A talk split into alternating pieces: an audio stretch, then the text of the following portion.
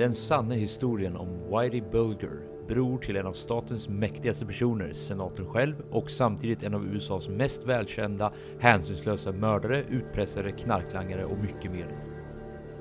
Uppvuxen i södra Boston, Black Mass följer ledaren av gänget The Winterhill Gang i deras strävan efter att kontrollera den organiserade brottsligheten. Men hur långt kan man sträcka gamla lojaliteter? Hur mycket betyder delad bakgrund när brottens brutalitet når skyhöga proportioner?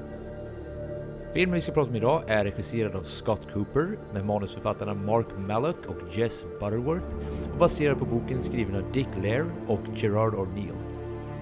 På skådespelarsidan så har vi bland annat Johnny Depp, Joel Edgerton, Benedict Cumberbatch, Dakota Johnson, Kevin Bacon, Jesse Plemons med flera.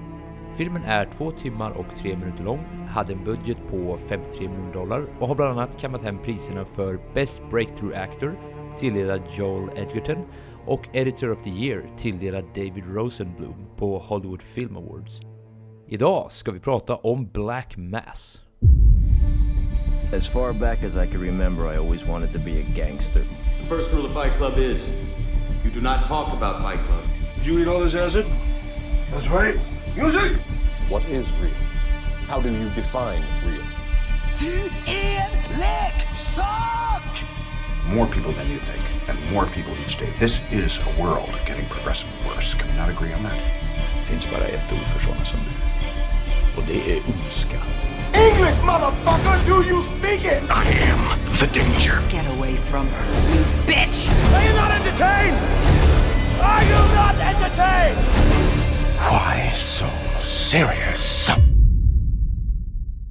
Alright, välkomna tillbaka till ett nytt avsnitt av Spoiler alert. Joel Keskitalo heter jag och med mig här har jag. Benjamin Gabrielsson. Och vi ska idag, som ni redan har hört i introt, snacka om filmen Black Mass. Och eh, visst var det jag Det var du. som tipsade om den här? Ja. Det var 100% jag. Så okej, så nu är alltså uppgiften att jag ska försöka backtracka vart jag fick inspiration till att se den här. Nej men jag kommer ihåg. Jag var på jobbet faktiskt för, jag tror det var ganska länge sedan eller talet, jag tror det var typ ett halvår sedan. Och eh, då lyckades jag dra på, jag jobbar ju nätter som du vet, så jag satt i mig i soffan och jag drog på tvn och kollade och så hamnade jag i mitten av den här filmen. Aha. Och eh, den var så otroligt gripande då att jag ändå såg typ 5-10 minuter av den. Men jag insåg ju redan då att det här är ju en potentiell poddfilm. Och dessutom var det inte optimalt i vilket fall som helst att du vet hoppa in mitt i Nej. och sen se slutet av den. Det är inte Nej, bra. det känns som en dålig idé. Ja, eller hur? Så jag tänkte, ja men jag skriver upp den här och eh, så tar vi den någon gång i framtiden. Mm. Och eh, någon gång i framtiden verkar vara nu. För eh, ja, det var så, så idén föddes. Ja, ja men vad roligt. När var det du såg den ungefär på jobbet? Minns Ja, jag, jag, jag, jag sa nyss ungefär ett halvår, men jag tror inte Ja, det var så länge. ah, Det, det var ingen pik mot dig, att ja, jag såg det nyss. Utan jag, Fast det är ju typ det, för jag har ju redan glömt det. jag, jag försökte själv att backtracka nämligen, men jag tror det var inom ett halvår sen. För jag tror det var jag tror det var högsommaren ärligt talat. För jag, jag minns Ja. att det var varmt och kletigt och äckligt. Eh, så det var Det nog då låter jag rimligt. såg den och eh, jag var, redan då, och jag ska inte gå allt för djupt på just min inställning då, men jag kände inte igen Johnny Depp först. Nej. Det tog mig ett par eh, heter, minuter ärligt talat att greppa Mm. att det var Johnny Depp. Jag bara wow, okej, ja, men det här gör den ju ännu mer intressant. Så eh, ja, det var en iakttagelse som vi kommer utveckla alldeles strax. Ja, vad roligt. Men då vill jag, nu du ändå är inne på spåren, höra dina spontana tankar också. Ja, för då bortser vi från det tillfället. Jag har ju redan ish berättat mina spontana tankar, men det var ju bara en 5-10 minuter. Ja, exakt. Det var en lång teaser, om inte Det var annat. exakt, ja, en lång tid sedan, precis. Det är bra formulerat. Eh, nej, men jag måste säga att eh, obehagskänsla nästan. Alltså den blev eh, den blev väldigt mörk väldigt fort. Det, och nästan oväntat fort för min del. Jag förstod att det här skulle vara en ganska mörk film. Man fick liksom känslan ganska tidigt i filmen. Men den blev mörk på ett väldigt så här, väldigt... Inte tragiskt riktigt, det är inte riktigt det jag försöker fånga här nu, men nästan så här, okej, det där, det här liksom, nu gick du lite för långt för att vara charmig, som du var tidigare om du ska syfta Ja. på huvudkaraktären. Så, och eh, jag är också lite kluven, och det här vill jag diskutera med dig under det här avsnittet. Jag är lite kluven i vad jag i slutändan landar i allting. Jag tyckte den var en bra film, och en av Johnny Depps absolut bästa. Eh, men det är bra, men inte mer, kanske man kan säga. Vad är dina tankar? Ja, men kul att du ändå landade i det på något sätt, för jag känner också spontant... Eh, Nej, ja, säg inte så, att du gör det! Nej, men sådär typ. Jag är såhär, äh, äh.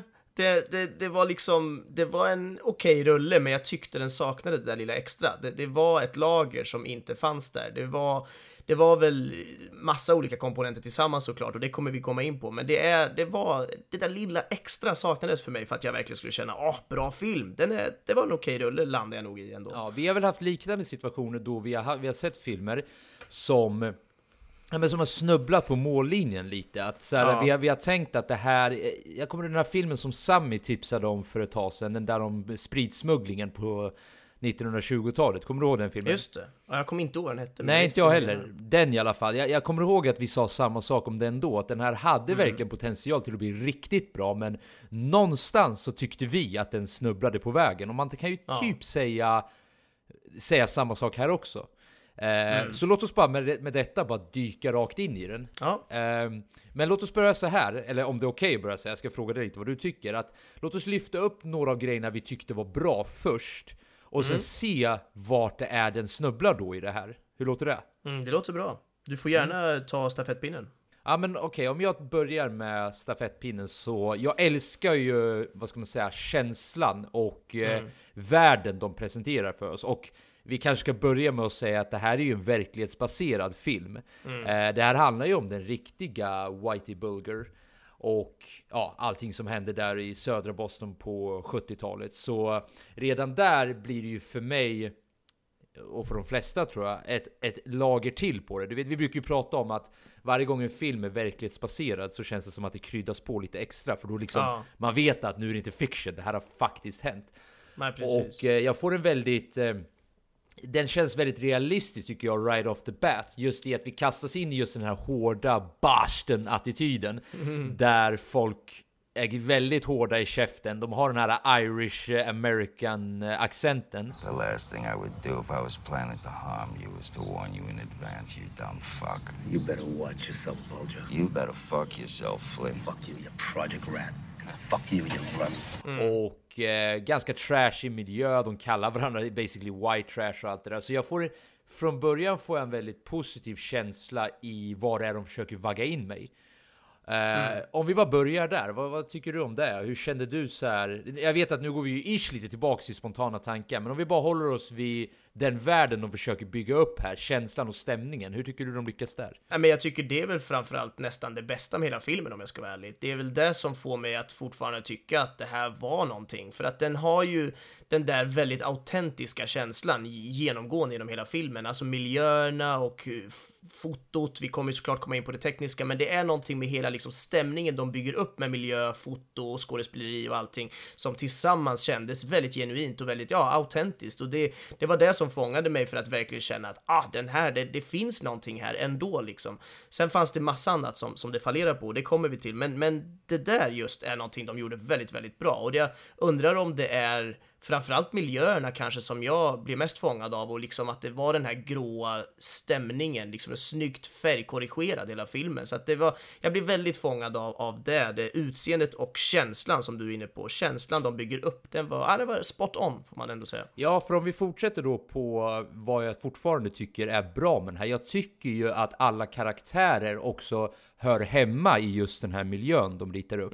Det är otroligt och jag, åt, jag kommer återgå väldigt mycket till just den här Boston-attityden. För Boston. Get out of car! Boston, så här, eller hur? Det finns många filmer som har porträtterat just det här eh, Ja men man kanske kan säga det, den här kulturen. Eh, inte om du minns filmen The Town? Jo, verkligen. My, ja. mycket liknande där också, den här Irish American, go fuck yourself.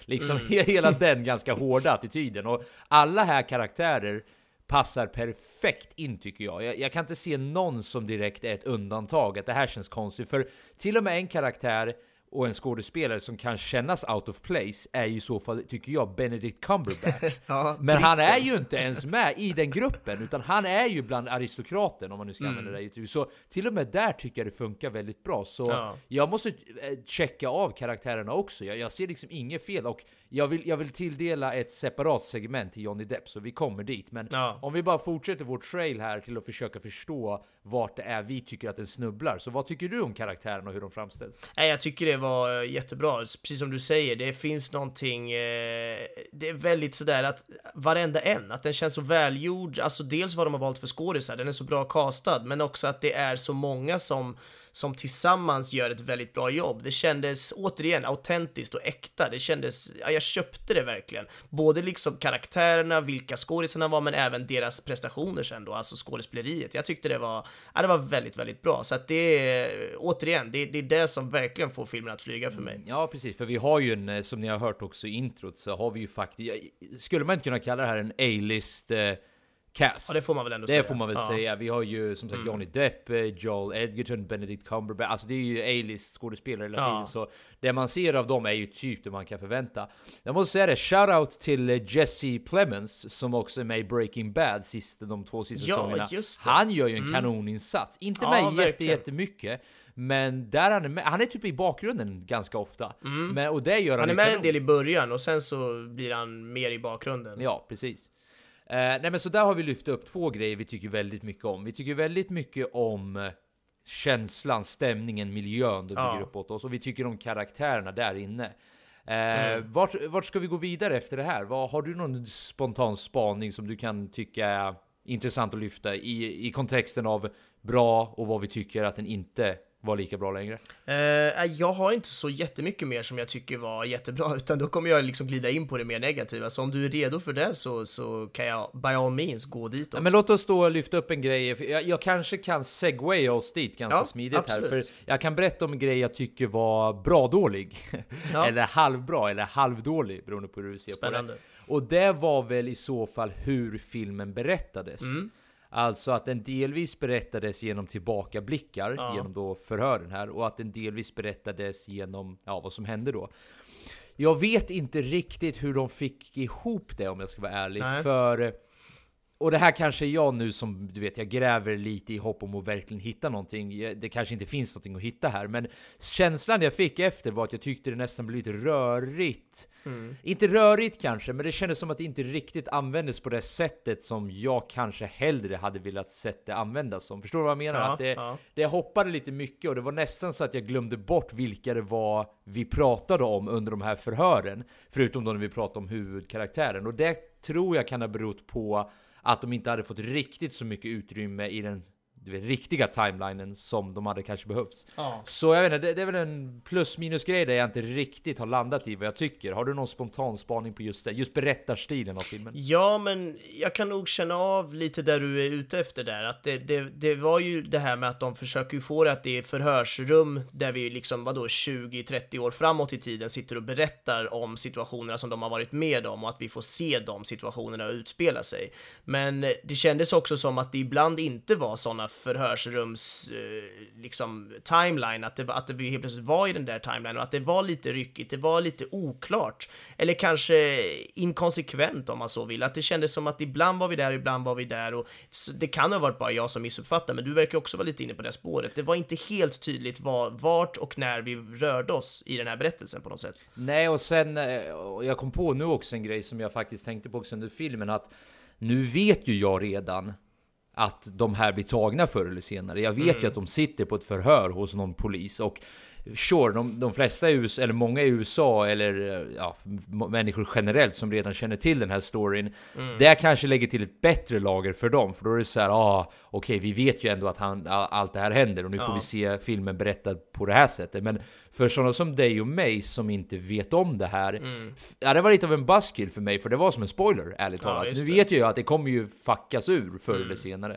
Så det kanske är någonting åt det hållet också, Ja, ja, men väldigt intressant att du tar upp just det, för det där är ju en svår grej när vi redan vet vad som ska ske. Ett perfekt exempel är ju First Man-filmen vi såg för ett par veckor sedan, eller vi såg den väl för ett tag sedan, men vi poddade om den för ett par veckor sedan, eh, där man liksom vet grundstoryn om hela månlandningen och allt vad som händer, men att de i den filmen tyckte jag eh, ändå lyckades med att göra det spännande och göra det eh, som att jag, jag ville veta mer fast jag egentligen redan visste det mesta. Så att det, och det här tyckte jag att de inte riktigt funkade lika bra. Här, här visste vi att de kommer åka fast och det blev aldrig riktigt så spännande där på vägen dit som det, som det hade behövt. Det hade behövts det där lilla extra för att den skulle flyga. Men jag tror att det är det är en bra, vad heter det, en jävligt bra liknelse faktiskt. För det jag tycker First Man lyckades väldigt bra med, det var ju att den fick oss ju att glömma bort hur det här kommer sluta.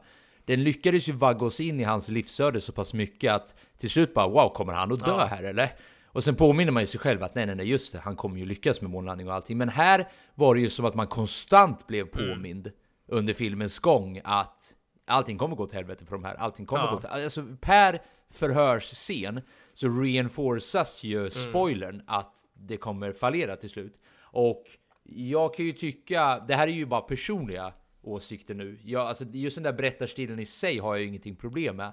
Men nu när jag tänker efter så tyckte jag att det var en lite, det var, för mig var det minus i alla fall. Jag hade hellre bara sett filmen Ja men kanske ha det här förhöret i slutet för att ändå då veta att de till slut också gick till polisen. Men inte under filmens gång kanske. Ja, jag vet inte, men där- kan jag ändå finna eh, Ja, kritik nej, men absolut. Och jag, jag kan verkligen gilla den berättarstilen med att vi får veta slutet först på något sätt och att det, det brukar flyga väldigt bra, men då måste det andra vara perfekt. Det måste vara flawless, det måste vara spännande, det måste vara smart, det måste vara perfekt skrivet och allt det här. Och det tyckte jag inte att den var, så att egentligen kanske de gjorde det svårare för sig genom att ta den här tolkningen med, med att det skulle vara förhörsrumsscener i början och att det hade kanske tjänat på att inte ha med dem med tanke på resten av det bristfällande i, i filmens helhet på något sätt. Ja, vill du då, det det där var ju ett försök till en potentiell segway in till det mer negativa, Mm. så jag har egentligen några mer positiva grejer jag vill lyfta, men låt oss passa över bollen lite till dig så kan vi diskutera Ja. vart det nu då potentiellt kan ha snubblat lite. Nej, men det är ju en del små saker egentligen, men alltså som,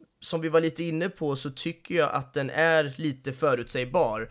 Det kanske beror på att det är en story som är baserad på en sann historia. De har inte hur mycket svängrum som helst och det brukar ju ofta stärka en film och jag tyckte också att det gjorde det. Men det kanske också inte styrkte den i det här fallet, alltså att den kanske tog skada av att basera på en sann historia eftersom de inte kunde göra lite vad de ville utan att de var tvungna att hålla sig till ganska strama regler eh, efter den här liksom biografin av den här personen. Så att på något sätt så kände jag väl att den, den var lite tam, den var lite platt, att det, kan, det kanske hade behövts något mer. Eh, Jag har liksom svårt egentligen att sätta exakta ord på vad det är, men jag har sagt det några gånger nu, det saknade det där lilla extra på något sätt. Vad har du några tankar om det eller? Nej, men alltså, jag vill egentligen gå längre än så. Det är inte bara att det saknar det lilla extra, utan Mm. det, jag tror också har att göra med pacingen på filmen. Och nu hoppas jag att ni hörde att P-ljudet har blivit lite bättre. Jag, därmed invest- eller jag har investerat i ett popfilter, så förhoppningsvis kommer inte det där Det låter ljudet underbart. störa er så mycket längre. Liten side-note. Men jag tycker att pacingen på filmen kändes inte... Alltså det kändes som att den inte riktigt kunde bestämma sig vilket tempo vi skulle hålla här. Det kändes ena stunder som att det gick väldigt fort i handlingen, som att nu har vi liksom bustat crime Ja. lords, nu tar han över här, nu händer det och sen zoomade vi in på jättesega skeenden där det kändes som att det inte hände någonting alls. Och eh, det är samma sak här, det här kan funka väldigt bra och jag är egentligen inte jag har egentligen inte så höga kunskaper att jag är någon att bedöma liksom, fintolkningen av det här. Utan jag går ju bara på vad jag personligen tycker. Ja. Men personligen tycker jag att pacingen, det vill säga farten på filmen, inte funkade alla gånger liksom. Jag, jag, jag har så svårt ärligt talat att sätta fingret på det. Det kanske är trots allt som du säger, att det är det där lilla extra de saknar, men Nej, det är inte bara det lilla extra, utan det är filmen som helhet som lider av Ja. någonting. Och, och, ja, det är svårt. Absolut. Det kanske är crime-drama-genren generellt. Ja men jag tror det. det. Den är, alltså, det är en genre som, jag ska inte säga urvattnad, men det är en genre som har gjorts väldigt många gånger. Och det kändes som att den här ville vara lite så här Goodfellas eller The Departed-känsla på filmen, men att den inte riktigt lyckades med det. Ibland var det lite övertydligt och klumpigt kan jag tycka, alltså he hela manuset, att det bara kändes som att nej, här, här bet det inte riktigt och ibland kunde jag istället tycka att det var jättedjupt och här fanns det verkligen någonting i vissa scener. Så att det var väl det här ojämna som, som du kanske också var lite inne på. Du pratar mycket om tempo, men jag tänker kanske det ojämna överlag, hur filmen var gjord, alltså framförallt då i manusväg, hur, hur den var skriven, att det, ah, det kändes som att den, den eh, snubblade lite över sig själv ibland kanske. Vet du vad jag kan... Jag, jag ska, till filmens försvar så ska jag faktiskt lägga fram en tes här nu. Mm. Jag tänker så här. Den här filmen verkar ju vara väldigt trogen vad som faktiskt hände. Precis. Och livet är alla gånger inte jätte... Vad ska man säga? Eh, Missförstå mig rätt här nu, men intressant. Alltså, i- livet är ju inte en film alla gånger. Så till filmens försvar så kanske den här täcker ett skeende som krävde den här sortens eh, struktur så att säga. Ja. Och att livet alla gånger inte går att presentera på ett så du vet, fascinerande och gripande Mm. sätt som vi alla gånger vill. Utan det här var bara ett exempel på Ja, det var så här det såg ut och vi var Mm. tvungna att lyfta upp. Så jag kan ge den lite det försvar. Men det gör ju inte det till en bättre film då, vilket är Nej. poängen det vi pratar om här. Men, så jag kan förstå ifall de var tvungna att göra de här grejerna. För det är ju jättemycket i den här filmen jag tycker väldigt mycket om. Mm. Men som sagt, det är någonting med just crime, drama. Det är kanske att vi själva är skadade av att ha sett så många tidigare. Kanske, Eller ja. att genren har tagit skada, Mm. att det har skapat så mycket. Men ja, det kändes inte som det var något nytt direkt, Nej. annat än Johnny Depps ögon. Ja, e- eller hur? Verkligen. Och, och det var ju, som du var inne på där, att det, det är just det här based on a true story-grejen. Det var jag lite inne på förut också, att det är det som kanske till och med skadar den i slutändan, att de är bundna efter den verklighetstrogna storyns ramar och därför kan de inte ta svängrum. Därför blev det inte så där extra galet eller spännande eller, eller vad det nu är vi saknade. Så att det, det kan vara att den, den helt enkelt var för sanningsenlig och därför inte tillräckligt spännande som film i betraktad. Eh, kanske. Men jag tycker även, om jag bara får spinna vidare lite på det då, så tycker jag ju Absolut. att eh, till exempel familjerelationerna, för det är ju någonting som de ändå pratar en del om, att det är så viktigt med familj, det är så viktigt med att man tar hand om sina, du vet, granntanten och, och frun och barnen och allt det så här, det är så viktigt med hela den grejen. Men ändå tyckte jag att det visades väldigt, väldigt lite. Jag tyckte att det var väldigt mycket liksom åka runt i bil och skjuta någon jävel som har sagt någonting, men, men att vi kunde ha fått sett ännu mer av, av familjedramat, alltså fruarna och deras eh, relationer i det här, för att jag tyckte att det var väldigt spännande. Det gav en annan dimension till, till det hela. Istället för att bara se liksom det kriminella så får vi även se när de är det här fina och, och liksom familjära i sig. För det är ändå någonting de pratar väldigt mycket om, men jag fick aldrig riktigt känna det själv som åskådare. Så att det, det är någonting jag hade velat se mer av, som jag tror hade kunnat gjort det djupare och bättre helhetsmässigt. Ja, jag håller med dig där, för det kändes som att de gick halvvägs in med det där ungefär. För det är Ja, som de visade några scener med det. De visade när de spelade kort. De visade Mm. när bröderna satt med varandra på begravning. De visade när han liksom käbblade med frugan och så vidare. Ja, olika middagsscener och sådär. Och de tyckte jag var jävligt bra också. Ja, samma här. Men det, det jag håller helt med Mm. dig, för man blev ju lite golvad ärligt talat när John Connollys fru sa åt honom att you've changed sen du började hänga med honom. Ja. Jag tänkte så, han har ju Ja. varit samma snubbe under hela filmen, ärligt talat. Jag hade inte sett den stora förändringen. Jag är säker på att hon hade gjort det, men vi hade inte fått sett det genom hennes ögon, utan det där kändes som att det bara Precis. helt plötsligt så kastades det på oss och bara Ja. You've changed with this man. Och ja, det är ju rimligt att han har gjort det med tanke på vad som har hänt. Men Mm. det presenterades inte på ett trovärdigt sätt riktigt, utan de gick halvvägs in med den linjen att family, det betyder mest och du vet gemenskapen och allt det här. Men Ja. ska ni bara gå halvvägs med det, då kanske det är bättre att inte visa det alls utan att då lyfta fram och fokusera på andra delar. Och ska ni trycka det som en så viktig punkt, det här med loyalty och allt det där, då kanske Mm. man kan efterlysa lite mer av det. Så jag, jag gillar den spaningen måste jag säga. Ja, verkligen. Jag håller helt med eh, det du sa där och att det, det, just det där med att hon säger det, då vill vi ju se att hon känner det. Vi vill inte bara höra det från, ett, från en manusskriven line liksom. Vi vill, hö- vi vill se det, vi vill känna hennes frustration också. Så att det, det snubblade de lite på får man väl ändå säga. Jag tycker ju till exempel att eh, Dakota Johnson som spelar, eh, vad heter Johnny Depps karaktär? Han heter Eh, ju James Whitey Bulger. Bulger, precis. Eh, ha- hans fru då helt enkelt, som spelas av Dakota Johnson, jag tycker att hon är svinbra och gör varje gång hon är med så bara känner jag att åh, här, här finns det någonting, här vill jag se mer av den relationen, den eh, sådär spänningen som finns mellan dem på både bra och dåliga sätt i den relationen. Men det tyckte jag också bara blev för lite av och, och till slut lite platt liksom. Det försvann ju helt sen mot slutet. Så att ja, jag hade velat sett mer och känt mer av det.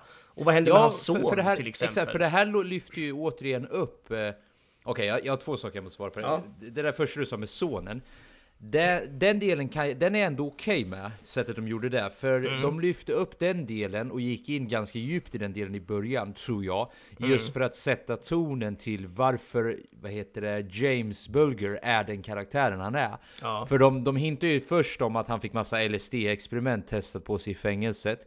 Sen dör hans son, ovanpå där dör hans morsa lite senare. Och det här ska då ligga som någon sorts förklaring till varför han är så brutal som han gör. Och jag köper allt det där till 100% så jag har inget problem med framställningen av det. Men det jag skulle säga nummer två var att det jag, som jag nämnde i början, det jag tycker är det bästa med den här filmen är tonen och karaktärerna. Jag njuter av alla karaktärer, ärligt talat, så då vill man ju ha mer av dem. Och jag ja. kunde inte instämma mer. Jag hade faktiskt inte tänkt på det innan det här poddavsnittet, men nu när du lyfte upp eh, Dakota Johnson så mm. kan jag mm. inte annat än instämma. Den lilla speltiden hon fick gjorde hon ju också, maximerade ju hon väldigt ja. bra. Och jag förstår, det är ju inte lätt att balansera hur mycket tid alla ska få. Jag menar, Cumberbatch hade jag jättegärna sett mer av också. Mm. För, ja, nej, så jag håller med dig där om att det bästa av filmen, i filmen, är ju karaktärerna. Så att se ännu fler sidor av dem och kanske det kanske hade behövt vara lite längre då, eller, eller då försöka filtrera bort andra karaktärer som var mindre relevant. Precis, för det var ju just det här vi pratade om, att man ville se mer fruar och mer familjeliv. Och då var ju hon ett perfekt exempel på det, där det ändå funkade bra och det jag gärna hade sett mer av. Så att, ja, nej men uh, verkligen. Ja, en sista spaning innan vi ska gå vidare till det tekniska som jag verkligen mm. tycker om. Och eh, det är brutaliteten i den här filmen och att de vågar gå så pass långt som de gör. För de sätter tonen redan från början att det här kommer vara en mörk film som kommer handla om en mörk person med ett väldigt mörkt livsöde. Och de har inga problem då med att visa han strypa en kvinna mitt mm. framför ja, personen som hon då är hans styvpappa, hennes styvpappa ja. eller något sånt där. De har inga problem med att visa hur en, eh, någon sorts politiker tror jag eller affärsman som blir skjuten mitt i så här, bredvid en bassäng full med kids liksom.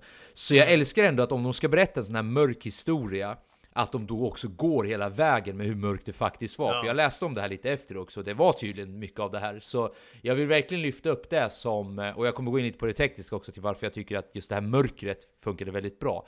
Men mm. eh, bara för att balansera ut kritiken och eh, hyllningarna lite så min slutspaning är att jag tyckte om just det väldigt mycket. Det går ju tillbaka till det jag sa förut om tonen på filmen liksom. Ja men verkligen, jag håller helt med om att det var eh, snyggt kanske är fel ord, men det var väldigt bra att vi fick se det äckliga, liksom blodiga våldet som ändå var här, för att det känns ju som att det var den här råa världen de levde i. Det fanns nästan inga konsekvenser på mycket av det de gjorde och det porträtterades ju väldigt bra. Att som du sa, gå och skjuta någon uppe eh, på öppen gata, det var inga större problem då för de här jävla dudesen, så att det var ju ändå, det, det hade blivit konstigt om vi inte hade fått se det, så det var helt rätt att de gick den blodiga och eh, grafiska vägen så att vi fick se så mycket vi fick se. Eh, och sen har jag egentligen en liten detalj till som jag egentligen borde ha sagt från början. Att jag har fått jobba hela tiden nu under det här poddavsnittet och när jag skulle fundera på vad jag tyckte om filmen med mina egna biases.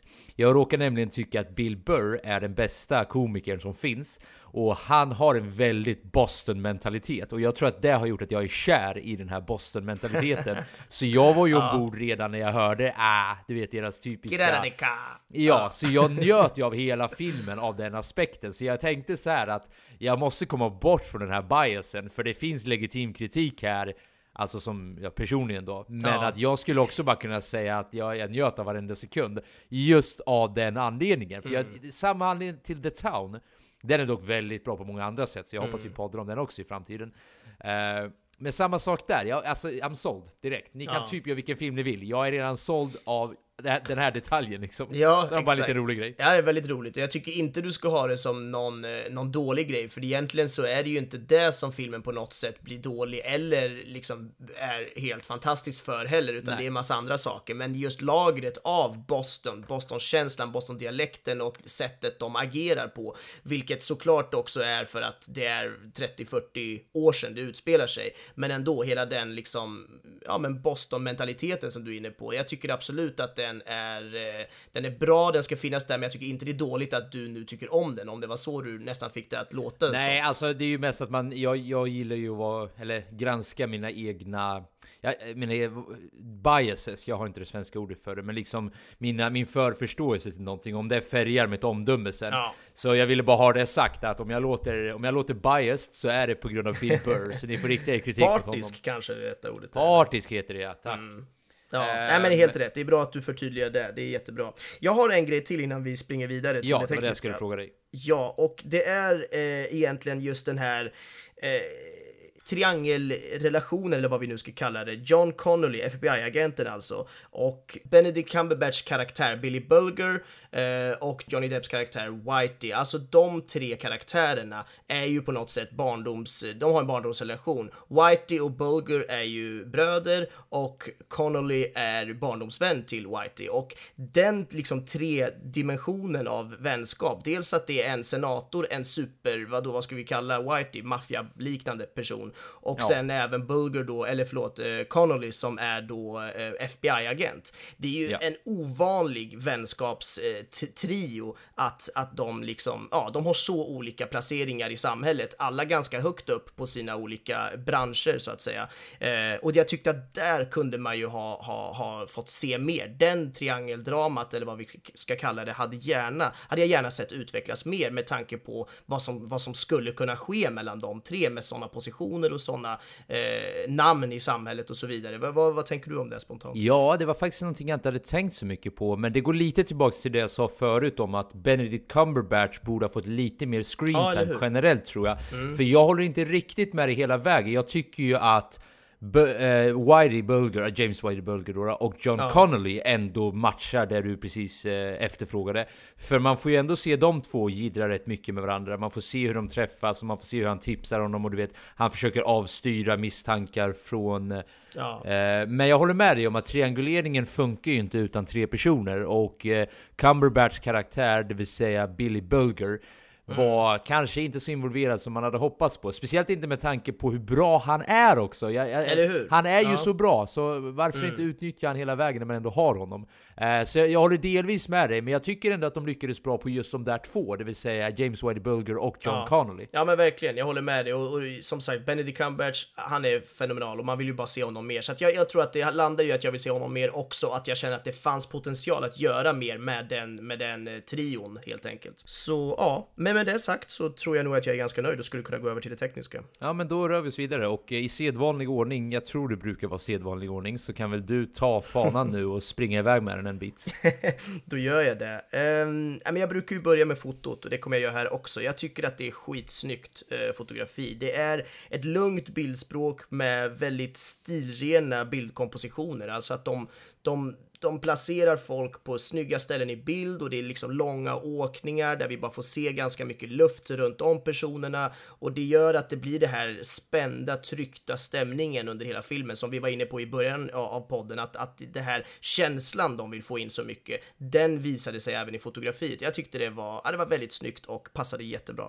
Den här filmen är också filmad med analog film som, eh, som jag har tjatat om i flera tidigare avsnitt och det verkar ju, jag har ju nämnt det lite som att ah, det är en snygg grej när de gör så, att det är en film som utspelar sig på 70-talet och därför filmad med analog film för att få den här extra gryniga känslan som, som var på den tiden med, när man bara hade analog film att tillgå. Och som jag säger nu, eller som jag har märkt nu så, så har det ju visat sig vara så här i flera filmer som vi har poddat om, så det kanske inte är en trend, det kanske inte är någonting som, som är ovanligt, det kanske bara är någonting jag inte uppfattat förut, men hur som helst så tycker jag att det är skitnice när de gör så. Filmar med analog film för att få den äldre känslan i, i hela film, eh, filmkänslan helt enkelt. Ja. I då kontexten av att den ska utspela sig på eh, vid ett eh, tidigare årtal då? då? Precis. Alltså det, det är ju en rimlig eh, konsekvens av att ha en film som ska utspela sig på 70-talet. Ja, exakt. Och alla de filmerna. Det var ju First Man som jobbade med det här. Det var The Post jobbade med det här och nu även den här då. Så att det, det verkar många som kör på det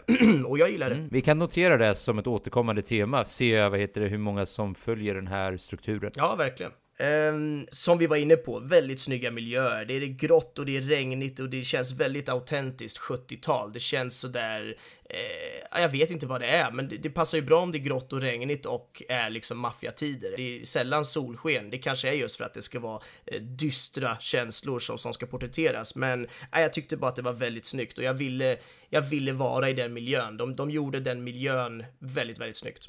Ja, och om vi rör oss vidare till musiken då. Ja. Jag skulle vilja säga att jag älskade musiken i den här filmen. Jag tyckte och det går ju tillbaks till eh, det vi har pratat om ett par gånger nu, att vad krävs det för att sätta tonen på en film? Vad det ska vara för sorts mm. film? Och som ni hörde på introslingan så är det ju en väldigt dyster, väldigt melankolisk och väldigt, eh, ja men nästan sorglig musik också. Och väldigt så här, jag har det engelska ordet foreboding, det vill säga att det, man, man väntar sig att någonting eh, fasansfullt ska hända.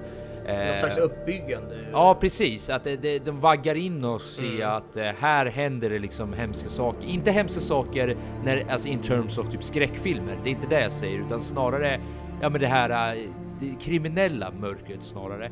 Mm. Och jag får nästan lite känsla av att det är, du vet, Hans Zimmer, eh, eh, alltså nästan så pass eh, vad ska man säga, bra slash den stilen liksom. Jag, ja, jag tänkte ja. till och med när jag lyssnade på det, kan det vara Hans Zimmer det här? Men det visade sig att det inte var så.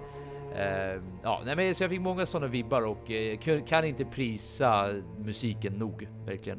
Nej, vad roligt. Um Nej, men det var ju då inte Hans Zimmer, utan det var ju då han Tom Holkenburg. Så att ja, det var ju kul att du ändå tyckte om musiken. Jag, till skillnad från dig, märkte inte så mycket av den. Kanske för att den var så lågmäld och ville väl få in den här lågmälda tonen. Men jag satte ett litet frågetecken på musiken här i mina anteckningar just för att jag kände att den, den bet inte på mig. Det, det gav ingenting som, som stack ut som gjorde att jag ville kolla upp den ens, att jag ville liksom ja, jag ville lyssna på den igen. Ja, men det här är intressant. Sånt. Det här är intressant, för jag tror jag kan veta vad det här beror på, ärligt ja. talat. Det, eller, eller så övertänker jag det här kanske, men jag har börjat lyssna väldigt mycket på filmmusik specifikt faktiskt. Mm -hmm. När jag sitter och spelar så brukar jag mixa lite musik. Ibland är det trance, ibland är det filmmusik, ibland är det du vet, så här, lite lugnt, nästan ja, men, du vet, så här, cybient, ambient liknande musik. Ibland mm. är det mm. piano, alltså det är allt möjligt. Men nu har jag snöat in ganska mycket på just filmmusik och det är just den här sortens musik jag vet inte vad det är med den, men den känns väldigt episk. Även när den inte försöker att vara episk, om du förstår vad jag menar. Den, ja, ja. Den, för, alltså, jag, jag, får känslan hela tiden av att det är någonting storskaligt på G här. Mm. Och jag tror att det är för att man är Hans Zimmer-skadad, ärligt talat. För han har gjort så mycket bra, som har landat i så många bra filmer, att varje gång man ens hör tonen åt det här hållet så börjar man associera det som det. Men nej, jag tror det kan ha med det att göra, för jag också intressant, det brukar inte vara sämre än det och mig, men jag la nämligen väldigt mycket fokus på just musiken. Det var till okay. och med tillfälle då jag mm. blundade för att jag tyckte att musiken var så bra. Oh, wow, intressant. Ja, så jag, jag, får, jag, jag sätter ett utropstecken på ditt frågetecken. Ja, vad snyggt. Ja, men det är kul att vi skiljer oss åt och det skulle ju kunna vara bara att det var en sån dag då jag satt och tänkte på något annat eller att jag satt och tänkte på andra saker jag störde mig om filmen så att just musiken inte greppade på mig. Men helt enkelt så var det ingenting som, som, ja, som tog på mig. Det var inget som jag fastnade för, men det kan ju bara vara att jag missade det helt enkelt. Så jag får väl ta och lyssna lite igen då och se om det kan, om du kan ha övertalat mig. Lämna gärna eh, kommentarer under eh under det här filmavsnittet vad ni tyckte om musiken. Om ni har några åsikter, om ni håller med mig, om ni håller med Benji. Var det något speciellt? Var det inget speciellt? Påminner om Hans Zimmer? Eller var det en förolämpning att jag ens sa det? eh, lämna era tankar om ni har tid, och lust. Ja. Ja, men annars är jag nog ganska nöjd på det tekniska. Det finns ju såklart skådespeleri vi kan prata om, så... Ja, och du kan inte bara säga att det finns ju såklart skådespeleri. alltså, vi måste ju prata om Johnny Depp. Ja, be my guest. Jag lyssnar gärna. Nej men okej, okay, jag ska, okej, okay, uh, hold your horses sweetheart. Ja. Så, så illa är det inte. Men jag tycker ju att Johnny Depp, som jag sa första gången jag såg, eh, alltså då på jobbet, när jag bara tittade som hastighet. Det tog mig ett par sekunder, och jag vet, alltså det är inte så, det är ändå rätt så uppenbart att det är han. Men att jag ändå var golvad ett par mm. sekunder, ett par minuter och bara, jaha, det är Johnny Depp här, det säger nog någonting. Och de så, jag kommer gå in lite på trivia sen vad Johnny Depp själv tyckte om sin performance och vad andra har tyckt om den, men han är ju en annan person. Det är ju så skönt att se honom i en annan roll än Jack Sparrow till mm. exempel, mm. eller Fear and Loading och så vidare. Han har så mycket potential och han var en riktigt obehaglig karaktär ärligt talat. Min favoritscen i filmen som egentligen hamnar i sista segmentet, men jag nämnde det nu, det är den här Eh, när de äter middag där mot mm. slutet och när han försöker få honom att berätta vad han har garnerat köttet med. Det ja, family recipe. Ja exakt, family recipe, ja precis. Och eh, han skämtar lite först, sen får han honom att säga det och då blir han helt intensiv och bara... You spill the secret family recipe today. Maybe you fucking spill about me tomorrow. Is that something maybe that's a possibility? I was just saying. You were just saying. Just saying gets people sent to Allenwood. Just saying. got me a nine-year stretch in Leavenworth and Alcatraz. You understand? So, just saying could get you buried real fucking quick. Ja, och bara stirra ner honom basically och få ju hela stämningen, alltså att den är ju elektrisk. Det går ju att ta på, alltså det kan smälla, håller du upp en tändsticka så exploderar det här. Eh, och det är jättemånga sådana scener där han, bara hans blick och hans eh, kroppsspråk är så intensivt att och när man då också vet vad den här karaktären som då har funnits i verkligheten, låt oss bara betona det en gång till, eh, vad han är kapabel till att göra. Det fyller ju i hans intensitet ännu mer och gör honom till en ännu mer obehaglig karaktär. Så hatten av till Johnny Depp. Eh, kul att se honom i en annan roll. Och jag hoppas mer sånt här. Inte just den här sortens roll, men att han branchar ut till någonting eh, annorlunda. Om vi bara fokuserar på Johnny Depp, vad tycker du om det här jag sa nyss? Jo, men jag tycker det är intressant. Det är, jag kommer nog inte att prisa honom lika mycket som, som du gör. Det finns någonting med eh, framförallt hans utseende, alltså linserna och det här. Jag hade svårt för det. Jag, jag, jag fick så här vampyrvibbar. Är det så? Vad intressant, för, förlåt om jag avbryter det, men jag hade ju inte det. Jag tyckte det funkar asbra. Ja, nej men jag är helt tvärtom. Tyckte att det förstörde allt, ska jag inte säga. Det var hårt sagt. Men jag tyckte det tog ur mig. Jag satt och tänkte på någon så här dålig vampyrfilm och kände att när ska han suga blod i någons hals liksom? Så att det, nej, jag tyckte det kändes lite platt. Jag kan, jag kan ändå se hur du ser det. Ja, så det är inte jätteorimligt att du gör den kopplingen. Och det kändes liksom, det kändes pålagt bara. Det kändes inte, jag köpte det inte. Jag tyckte inte att det var autentiskt, den liksom sminkningen och den, eh, framförallt linserna då. Så att, äh, det tog mig ur lite hans prestation. Men jag håller med om att han är väldigt bra. Jag tycker dock inte att det är liksom sådär sinnessjukt bra som du och många andra verkar tycka. Eh, jag tycker att det var okej. Jag tycker stundtals att det kanske till och med var lite enformigt. Men då ska jag också väga in att han porträtterar ju också en eh, riktig person som har funnits på riktigt och eh, kanske då gör det toppenbra. Och då beror det ju, precis som vi var inne på om hela filmen, att den försöker porträttera vad som faktiskt har hänt. Här försöker han porträttera en person som faktiskt har funnits, att den personen kanske var så här, exakt så här. Och då är det ju tvärtom svinbra skådespeleri. Men som, som, som utomstående person som inte vet någonting om den här riktiga personen, alltså jag vet ingenting om den riktiga personen som han spelar, så kände jag att det var, det var bra, men jag tycker inte det var liksom sådär svinjävla bra som, som många andra tycker. Men det kan väl lika gärna vara mig det är fel Nej, på, I don't know. Och linserna förstörde en stor del ska jag säga. Jag förstår. Eh, ska vi röra oss vidare mot eh, de andra? Jag vill bara ge en quick shoutout till några till. Ja. Eh, för vi, vi behöver inte gå jättemycket in på dem, för det här är ju en, som vi sa tidigare en A-list, eh, ja. en lista med A, A-list skådespelare. Så Joel Edgerton gör ju ett svinbra jobb som FBI-agenten då. då. Också med Boston-accenten. Alla har ju nailat Boston-accenten. Ja. Åtminstone från en utomstående som inte har Boston-accenten. precis. Skulle Det en riktig... finns- Ja, Ja. då skulle de säkert kunna kritisera det. Men jag tycker ju att, jag, I'm convinced.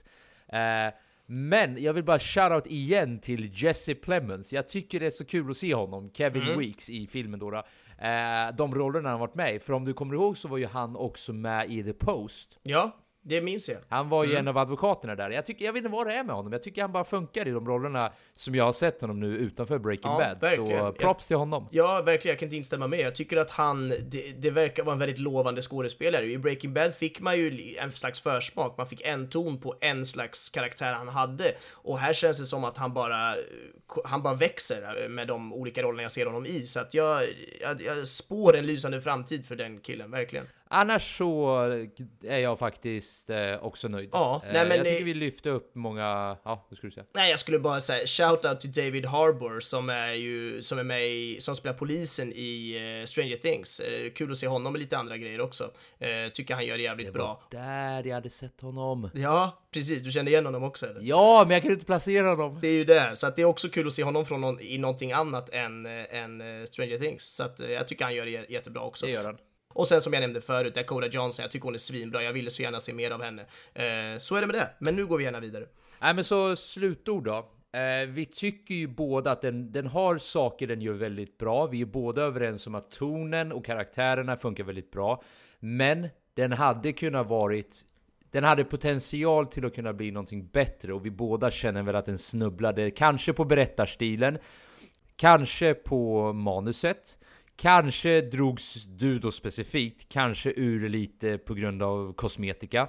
Men Ja. vad det än var specifikt så sammantaget så var det någonting som fick den att snubbla lite.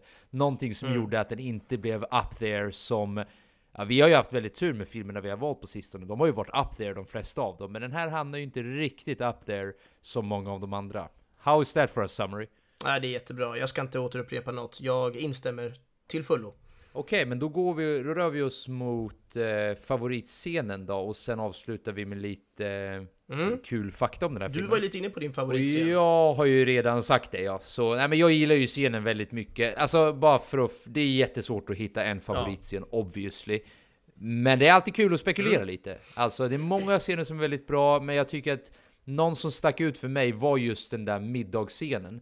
Och det är av fler anledningar än Johnny Depps performance som jag pratade om förut. Det handlar lite också om vart de här karaktärerna är vid det här tillfället. För om du tänker efter vad som nyss har hänt så har ju Whitey strypt sin, ja vad ska man säga, vän slash kollegas styvdotter över att hon kanske kan ha råkat försagt sig i ett polisförhör.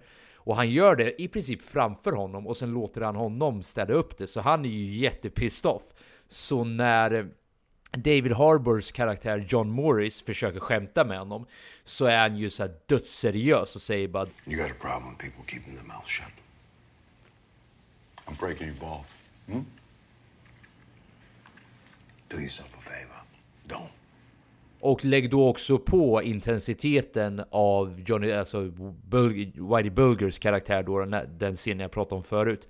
Ja, den scenen, det, det känns som att my, vad som helst kan hända här tänkte jag. Han, han skulle kunna ta en kniv och liksom skära honom direkt, för så mycket har han derailat verkligen. Jag såg att han hade tappat det helt och hållet och hans vänner har också tappat förtroendet av honom. Så jag tycker den scenen fångade både vart de här karaktärerna har landat just nu, men också en väldigt bra prestation av de inblandade. Ja, ja men kul. Uh, fin summering till, till varför. Det kändes ju väldigt legitimt nu när man hörde hela den summeringen. Uh, min favoritscen är precis den du var inne och snuddade lite på nu, alltså när han stryper ihjäl den här stackars tjejen uh, i lägenheten. Uh, och det är framförallt för att jag tycker att, ja men dels som du var inne på, det är så jävla kallt, det är så hemskt, det är så, han gör det så, så, så relaxed, att han har gått och liksom eh, sagt till henne, ja men kolla här, du ska få det här huset och ja, det, det, du ska få, eh, liksom, vi ska fixa lite möbler åt dig. Han är så jävla snäll, samtidigt som han hela tiden där, han har ju redan bestämt sig för länge sedan, han vet ju att han ska döda henne inom, inom 30 sekunder liksom. Så att det, det är någonting med hela den, eh, Johnny Depps karaktärs, det här hemska liksom som jag tyckte kom fram där på ett riktigt obehagligt sätt. Och eh, framför allt då det som faktiskt fick mig att till slut välja den här scenen, för, för det fanns ju många scener som, vi, som konkurrerar med den här, men det är ju just lagret av ett snyggt tekniskt eh, arbete också på den scenen och det är ju att nästan hela scenen är en enda lång tagning. När de kommer in i lägenheten så åker kameran i den här korridoren och så går de från rum till rum och pratar om lägenheten och kameran åker sakta in eh, in i det här rummet där hon till slut, till slut ska bli strypt då och stannar där och Johnny Depp kommer in där med henne och de står och pratar och så stryper han henne och Medan hon blir strypt och så åker kameran tillbaka mot korridoren där han, den här killen, står då som är styvpappa till henne och liksom får bevittna det här mordet och You know, this was real sweet of you to think of me, Jimmy. Don't mention it. No one's never done nothing like this for me before. Oh, come on, kid, don't say that. You're breaking my fucking heart.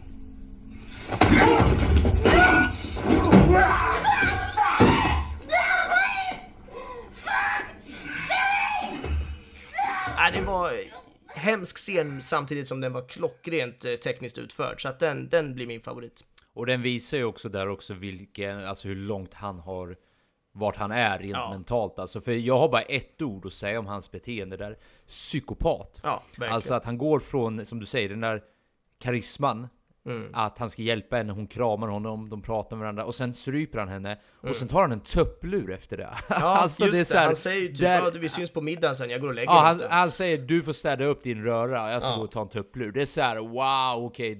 Är ingenting Ja, och där syns det ju att hans kompis inte är en psykopat, för han tar ju verkligen åt sig av det här. Ja. Det är ju verkligen, det här är fel liksom. Säg vad man vill om vår vänskap och allting vi har gjort tillsammans, men det här är fan fel. Ja, verkligen. Eh, Okej, men då rör vi oss mot eh, lite roliga fakta om den här filmen Mm. då. Och eh, all den här faktan går att hitta på Blackmass IMDB, IMDB-sida. Så det är bara att ni loggar in där och tittar själva ifall ni vill se resten. Men jag nämner några roliga. Mm. Så den första jag har är att många av eh, mördarscenerna, alltså scenerna där, där de ja, blir mördare, är de riktiga platserna där de blir Ah, mördare. cool. Så de har faktiskt åkt till de platserna och filmat det just Mm. där. Så det är lite kul. Eh, Johnny Depp försökte under flera tillfällen under inspelningen då att prata med James Whitey Bulger. Den riktige såklart. Ja, vad ja, häftigt. för att få förbereda för rollen. Och han sitter ju inne då. Ja, han är död nu och Okej. Ja, vi kan ta en kort instickare. Han eh, blev ju gripen, som vi får reda på i slutet på filmen. Mm. Och jag tror vid typ 90 års ålder, något sånt där, så eh, han sitter i rullstol, han blir flyttad till ett fängelse, och han blir nästan direkt torterad och mördad. Och de har tydligen så stuckit ut hans ögon och klippt av hans tunga i Åh, den sortens tortering. Och han är alltså över 90 bast. Eh, så, Vilka var det ja. som gjorde det? Var det andra inmates? Ja, det var andra eh, organiserade brottslighet, brotts, Ah, vad heter det? okej. organiserade brottsligheter som hade gäng på insidan. Ja, säkert för att han samarbetade med FBI då, så de tyckte att han var en rat. Men, ja exakt, Någon, det, ja, alltså det finns info om det här, det är bara jag som Ja. inte har kollat upp det tillräckligt mycket så det går att läsa om. Men jag tänkte bara att det var en mörkt slut på en ganska mörk kan han väl ändå förtjäna, kan man väl känna. Ja exakt. Eh, men alltså 90 bast det är någonting som, ja, det är en Ja, annan det är diskussion. mörkt. Men det är 90 bast alltså, herregud. Ja, vi fortsätter. Scott Cooper såg till att anställa eller få, få fram på något sätt några av Bulgers gamla kamrater för att förbereda Johns, Johnny Depps eh, prestation så bra som möjligt. Och när kosmetikan var klar och när filmen var klar, när de hade sett hans prestation, så sa de bara kort och gott That's Whitey. Ja. Punkt. Det var, det, det var lite det jag pekade om förut, varför just prestationen var så bra. För de vittnade också till det i alla fall. Och det här är absolut ingen jab mot dig, du har 100% rätt att tycka vad du tycker. Mm. Men eh, det var en fin detalj tyckte jag, att de, hans närmaste ändå landade där. Ja, verkligen. Eh, och det här är en intressant grej också, och nu får, du ha i bak, nu får ni alla lyssnare ha i baktanke på hur mycket Johnny Depp har gjort. Johnny Depp sa att det här var den absoluta favoritfilmen av alla filmer han hade gjort. Däremot ska det noteras att han tittar aldrig på sina filmer. Det här råkade vara ett undantag, så man får väl ta den faktan hur man vill. Men det jag tror man kan ta hem är att han var åtminstone nöjd med sin prestation. Och eh, ja, det, det är så jag tolkar hela den, eh, det uttalandet. Ja, verkligen. Och en liten annan rolig fakta, sen får ni faktiskt era lata jävlar gå in Mm. själv och kolla. Även Guy Pearce var egentligen tänkt att vara William Bulger, men hoppade ur på grund av eh, andra projekt helt enkelt. Guy Pearce är bland annat med i Prometheus, om ni kommer ihåg det. Han är med i Iron Man 3 och lite andra filmer Mm. också. En väldigt bra skådespelare. Eh, ska vi också tisa vilken vi ska se nästa gång? Det tycker jag. Drumroll. Gravity. Så det blir spännande. Gravity nästa vecka. ja. Tune in for that. Och med det så tackar vi för oss tror jag. Det gör vi. Tack, tack. På återseende hörni. Ha det gött. Hej då.